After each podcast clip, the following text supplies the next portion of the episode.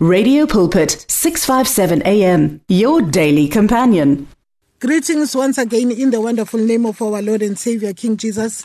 We thank the presence of the Holy Spirit as we greet all listeners ze-radio pulpit ngegama our scripture reading sikhona laphaya kujohn chapter 10 verse 10 wakhona elithi zikankulunkulu the thieves comes only to steal and kill and destroy. I've come that you may have life and have it in full. Another translation ithi my purpose is to give them a rich and satisfied life. Silibonge izwi kankulunkulu ekuseni. Manje ekuseni kwanamhlanje kumaviki aphelile we have spoken ngokuthi eh, isitha asitshontshi uma kungekho lutho esingayitshontsha asigqekezi endaweni engenalutho angekathole lutho. Ungena ezindlini angene e, endaweni ezithile ngani ngoba kukhona ezinye izinto ayibonile. And uh, we've mentioned ukuthi wangena e, e, abasebhabhiloni bangena bayothatha izitsha zikaNkuluNkulu bayothatha isizwe sikaNkuluNkulu bathatha yonke ama treasures kaNkuluNkulu abantu baseBhabhiloni. Siyakhumbula ukuthi futhi ngalokho eh kwaba nale le ndodana ya yenkosi yaseBhabhiloni eyayidakiwe iphethe izitsha zikaNkuluNkulu eh idakwa ngazo nabangane bakhe elithi zikaNkuluNkulu wabona imibhalo ethi mene mene tekela. Manje kwakungenxa yokuba wayephethe izitsha ze wayephethe izitsha zendlu kaNkuluNkulu. Manje ekseni kwanamhlanje uNkulunkulu unesikhwele ngezitsha zakhe. Siyizitsha zikaNkuluNkulu. uNkulunkulu unesikhwele ngathi manje ekseni kwanamhlanje sisakhuluma ukuthi e, uma isitha singena sizotshontsha kukhona njengesitha masitshontsha uyuza some devices ukuthi akwazi ukungena ukungena or uyuza ikhiya eyithile ukuthi akwazi ukungena to make an entry. And even the devil naye unendlela yakhe yokutshontsha sikhulumile ngisakhuluma namhlanje ukuthi uJesu usathane makazotshontsha uyawasebenzisa manga. Ngani? Ngoba izwi kaNkuluNkulu liyasitshela ukuthi he is the father of lies. And makazotshontsha he uses ama delay tactics. Enzele into yakho ukuthi into yakho or yami idelay kube nezinto ezivelayo ngaphakathi ezizozama ukudelaya this process. Manje kukhona izinto futhi azisebenzisayo ukudistracta uyakwenza ukuthi ube distracted uconcentrate kwinto ethile. Ngani? Ngoba ufuna ukukudistracta kukhiphe endleleni. Or akhiphe ukuthi ufocuse and siyabona futhi enye into ayisebenzisayo ukhosa i-anxiety in life of a person. Yizinto azisebenzisayo kuzotshontsha ngoba uyazi ukuthi i-anxiety izobamba ingqondo yakho nenhliziyo yakho. Njengoba nezwi likankulunkulu lisho ukuthi eh, eh, eh, do not be anxious about anything but in everything let in everything let your prayers be known unto God who will hold your mind and your heart together eh ngepeace ka Jesus Christ which surpasses knowledge. Manje uyenza ukuthi ube anxious uyazi ukuthi mawu anxious awukho kwi right mind of state angenza anything. And now another thing Satan azenzayo makezotshontsha he is an opportunist. He will take an advantage of his situation. He will take an advantage of his uh, uh, person ignorance. Uma ignorant ignorant ngento that is why uNkulunkulu athi my people are are destroyed for the lack of knowledge. uNkulunkulu wants us to come to to have understanding. uNkulunkulu wants us to come to have knowledge. uNkulunkulu wants us to come to have a revelation. uNkulunkulu wants us to come to have a wisdom yizinto unompostoli uPaul make khulekela namabandla asindiswayo namabandla oEfese athi i pray may God give you the spirit of understanding. Ngoba uma unga understand into the enemy will intervene angene athathe advantage yaloko and usathane he uses also uyawazi use amaphupha. He steals our dreams also. And uh, atshontshe i-potential esinazo atshontshe i-confidence onayo. Uyazi usathane uyakhona ukuyitshontsha i-confidence onayo. Eh, eh, eh enze ukuthi usingabi ne-confidence akwenza ukuthi uthi mawuzibheka ubone ukuthi yini engingayenza mina. And azi ukuthi unayo ipotential. Ayitshontshe inye into aza ngayo usathane uyayitshontsha ipeace. Ayitshontshe ijoy ayitshontshe icalling. Manje ekuseni kwanamhlanje some people empilweni zethu they are like a cloud in empilweni zethu in our life. As long they are around us we are unable to to to see. Uyazi ukuthi uma khona abantu ohamba nabo khona abantu ocommunicate nabo.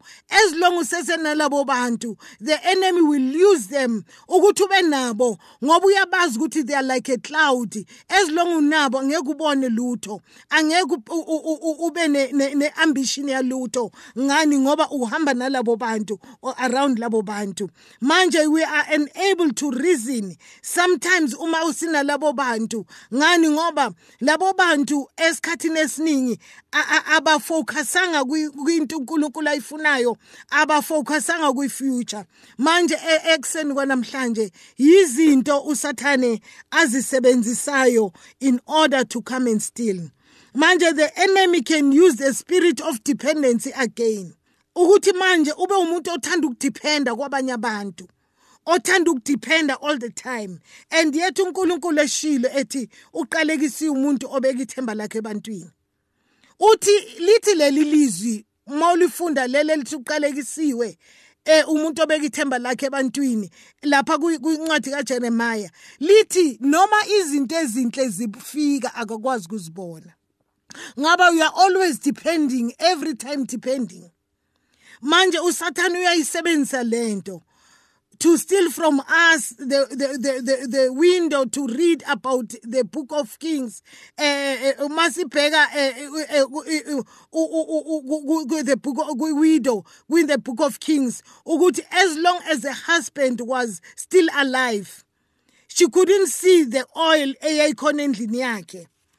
As the long as the husband was still alive ebengazi ukuthi khona ipotential anayo.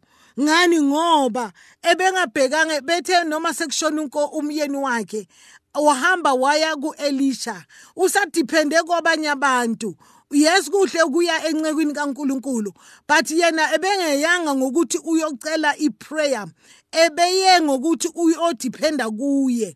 Yiko lokhu inceku yambuza ukuthi yini wena onayo? Ngoba lento ezokukhipha kulonto ayikho kimi ikuwe isendlini yakho. Wathi yini lento onayo? Wayengabona ipotential ukuthi she can be a business person ongathatha into anayo ayisebenzise. Ngani? Ngoba uNkulunkulu usiphumelelisa ngento esinazo.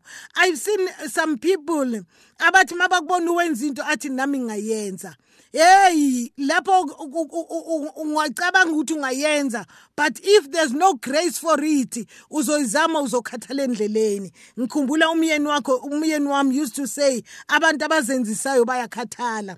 Umuntu ozenzisayo uyakhathala. Nomuntu othatha into engaseyakhathi uyayenza ngoba efuna ukukhompyutha nobani uyakhathala. Ngani? Ngoba there's no grace yayo. Manje yizinto usathane atshontsha ngazo. Athi uma ubheka omunye umuntu akutshela usathane ukuthi yazini nawe lento ungayenza. Bese uyaqala ulahla le ekufanele ukuthi uyenze ufocus kule engaseyakho ngoba uthi mina angeke angihlule or uthi mina nami ngingayenza lento forgetting that eh ini igrace kaNkuluNkulu ayikho lapho. Manje makayitshontsha iconfidence kithi eh lapho masifunda nezwi kaNkuluNkulu eh lithi leli lizwi kuHebrews chapter 10 kuverse 35 wakhona. Let us know let us not throw away our confidence. Ngani? Ngoba it will richly reward us. When the devil has stolen your confidence eh he has stolen everything. Ngoba the bible tells us ukuthi let us not throw away our confidence because it will richly reward us. Sometimes awubi neconfidence kanti yiyo into ezokuphilisa uNkulunkulu akubeke kuyo. Manje sibheke futhi lapha ku First John chapter 4 sifunde iverse um uh, from verse 14 to 15 lithi leli lizwi ku First John chapter 4 ku verse 14 to 15 malikhuluma ngayo indaba ye confidence lithi leli lizwi verse 14 to 15 masiqala ku13 ithi we know that we live in him and he is in us because he has given us of his spirit and we have seen and testify that the father has sent the son to be uh, the savior of the world. If anyone acknowledges that Jesus is the Son of God, God lives in him and he is in God. And so we know and rely on the love of God for us. God is love. Whoever lives in love lives in God and God in him. In this way, love is made complete amongst us so that we will have confidence on the day of judgment because in this world we are like him. There's no fear in love, but perfect love drives out fear because fear has to do with punishment. The one who fears is not made perfect in love. Kodwa manje lana ngithanda ukuthi sikhuluma ngendaba ye confidence ukuthi manje uma sikujesu kristu siyazi ukuthi lithi izikankulunkulu in this in this way love is made complete amongst us so that we'll have confidence in the day of judgment because in this world we are like him. Sometimes we don't have confidence. Ukuthi manje sifana naye uJesu Kristu and likhulume kuverse 14 lithi this is the confidence we have in approaching God that if we ask anything according to his will, he hears us. Whatever we ask, we know that we have what we have asked of him. Manje uma usathane eyitshontshile confidence siyalibala ukuthi eh eh uJesu anything usicelayo kuNkulunkulu eh ngoJesu Kristo sesinayo. Manje yilokho isitha esikuntshontshayo utshontsha iconfidence yokuthi uma sikhuleka athi uNkulunkulu akakuzwa. Uma sikhuleka atshontshe this confidence yokuthi singazazi singakwazi ukum-approach unkulunkulu. Sizibone singaphumeleli sizibone singayindawo. Manje yizinto isitha ezisitshontshayo uyayitshontsha i-confidence nasebantwaneni bakankulunkulu. Manje uma etshontshe i-confidence yakho usathane ukwenza ukuthi noma uthi uya for i-interview uzokutshela uthi mawufika lapha akubonisa izinto eziningi ezinegative akwenza ukuthi manje atshontshe iconfidence yakho. Uthole ukuthi manje makufanele ukuthi uphendule ngendlela ekufanele ukuthi uyiphendule kuleyo interview onayo ungakhona ukuphendula ngani ngoba utshontshe iconfidence. Manje uJesu Kristu uma ethi he has come to steal. Ziningi izinto usathane azitshontshayo kithi njengoba sisho ukuthi utshontsha izwi. Makalitshontsile izwi atshontshe izinto ezithile azatshontshe neconfidence yethu ukuthi manje singaziboni ukuthi we are able to do izinto uNkulunkulu asinikeze amandla ukuthi sizenze. Njalo thina singabantu abadephendayo njalo uthola ukuthi manje ube umuntu lokucela njalo ube umuntu ongekho satisfied ngani ngoba usathane utshontshe confidence e, e, esikhathini esiningi. Manje siyabona izwi kaNkulunkulu lapha kufirst samuel ukuthi wayitshontsha iconfidence even nakusawuli eyoba inkosi usawuli ekhethiwe ukuthi ayoba inkosi manje liyasitshela izwi kaNkuluNkulu sekebiziwe uNkulunkulu sekekhethiwe uNkulunkulu watshontsha iconfidence yakhe. Manje yiyo into ayedlala ngayo kuSawuli ukutshontsha iconfidence kaSawuli that is why ebezama ukulisa ngaso sonke elwisa ngaso sonke uDavide ngoba wayengena confidence yena ngokwakhe ukuthi ungubani elithi izikaNkuluNkulu masifunda lapho ku 1 Samuel ku chapter 10 ku verse 20 to 23 lithi when Samuel brought all the tribes on of Israel he, uh, near the tribes of Benjamin was chosen. Then he brought forward the tribe of Benjamin clan by clan and Matri clan was chosen. Finally, Saul, son of Kish, was chosen.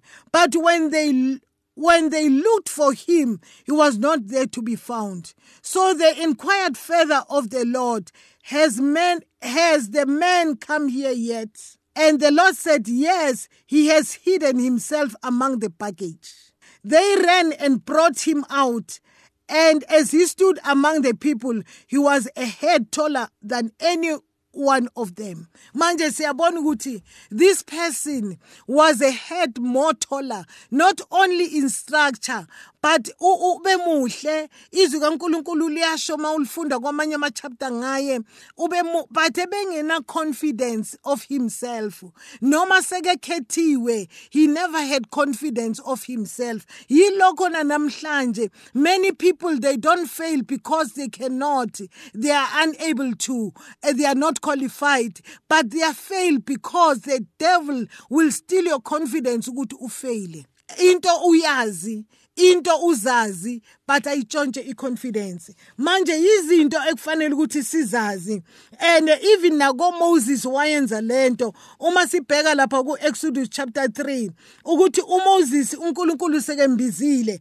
Wathi uMoses lapha chapter ku Exodus 3 ku verse 11 who am I that I should go to Pharaoh and bring the Israelites out of Egypt? Think about a man who grew up as a prince ehleli kwini khona ebukhosini ekhuliswe as a prince who was very much educated. He was very intelligent and very highly educated uMoses but manje uma uNkulunkulu sekembiza ngoba manje confidence yakhe iye yaphela ngokuthi ahlale alokalusana nezimvu zikaJethro nemfuyo kaJethro. Usathane watshontsha all the confidence anayo. Azange sazibona njengeprince azange sazibona njengomuntu intelligent uMoses was highly educated eyiprince enayo konke iknowledge yase yaseGibhitha ngoba eGibhitha that time it was an empire ibiphethe umhlaba wonke. Cabanga umuntu okhulele lapho eh but manje wasuka eseyokulosa imva izimvu nani nemfuyo ka kaJethro uyasuka iconfidence usathane wambuza ukuthi wena ucabangela ukuthi uma uNkulunkulu sekembiza ethi makaye ebantwaneni bakaIsrayeli kwaba nento yokuzibuza ukuthi can I what who am I that I should go to Pharaoh and bring the Israelites out of Egypt think about a man owayekhulele esigodlweni owazi yonke into ngesigodlo sekebuyiselwa lapho wayefunde khona eyazi yonke ama tricks akhona he's the man namhlanje usathana tshontshe confidence yakhona. Manje izinto isitha esizenzayo lesi nakuGideon wakwenza lokho. Elithi izikaNkuluNkulu uma silifunda kwincwadi yabahluleli eh kuJudges eh ku chapter ku chapter masifunda ku Judges chapter 6 siyathola no no, no waba nayo leyo nto leyo. Lapha sifunda uverse 14 14 wakhona. Eh izwi likaNkuluNkulu sekembiza uNkulunkulu. Ku verse 14 to 16 lithi the Lord turned to him and said go in the strength you have and save Israel out of Midian's hand. Am I not sending you Verse 15, but the Lord, but Lord, Gideon asked, How can I save Israel? My clan is the weakest in Manasseh, and I'm the least in my family. Uyabona uSathane uyayazi background la sivela khona. Uyayazi ukuthi siphuma kuma background kanjani. Uzothi makakutshontshela iconfidence yakho, akutshele ngebackground yakho ukuthi wena ophuma kwi-background eso ucabangela ukuthi uyini. Izinto manje uJesu Kristo ebezosixwayisa ukuthi the devil has come to steal kill and to destroy. Uzotshontsha zonke izinto uNkulunkulu akunike zona asinikeze zona. May god richly bless us. Ukuthi manje sizifunde izinto ezifana nalezo. Ucabanga ukuthi umanesa uGideon makazokhuluma ngesizwe sakamanesa uma sifunda ku First Chronicles chapter 5 sozoyifunda late uverse 1 wakhona. Abantwana bakamanesa bathatha ubukhosi izwi kaNkuluNkulu liyasitshela lithi the sons of Reuben the firstborn of Israel he was the firstborn but when he defiled his father's marriage bed his right as a firstborn was given to the sons of Joseph, the sons of Israel. So he could not be uh, listed uh, in the genealogy and the record according with the birthright. Laba bantu bakwamanesa bebenikezwe indawo kaRubheni ngoba uRubheni lithi kaNkuluNkulu wadefile umbhede kababakhe. So ubukhosi banikezwa kulabo abantu ukuthi banikezwa kumanesa banikezwa naku nakubrother wakhe and izwi kaNkuluNkulu lize liyasitshela ukuthi noma babefunga izwi kaNkuluNkulu labatshela ukuthi fungani ngabo. Haleluya. Manje ekseni kwanamhlanje sithola ukuthi lapha ku Genesis 48 sesivala lithi izwi kaNkuluNkulu eh ku verse 20 wakhona in your name I will pronounce Israel this blessing. May God make you like Ephraim and Manasseh. Ibusiso zika-Ephraim noManesa zabekwa phezukwabo but uma ebizwa uthi mina ngubani? Manje usitha siyakwenza lokho. uNkulunkulu asenze kahle ngegama lika Jesu waseNazaretha. Amen. The words of the Lord are words of life. Your heart is on 657 AM 657 AM radio for believers in action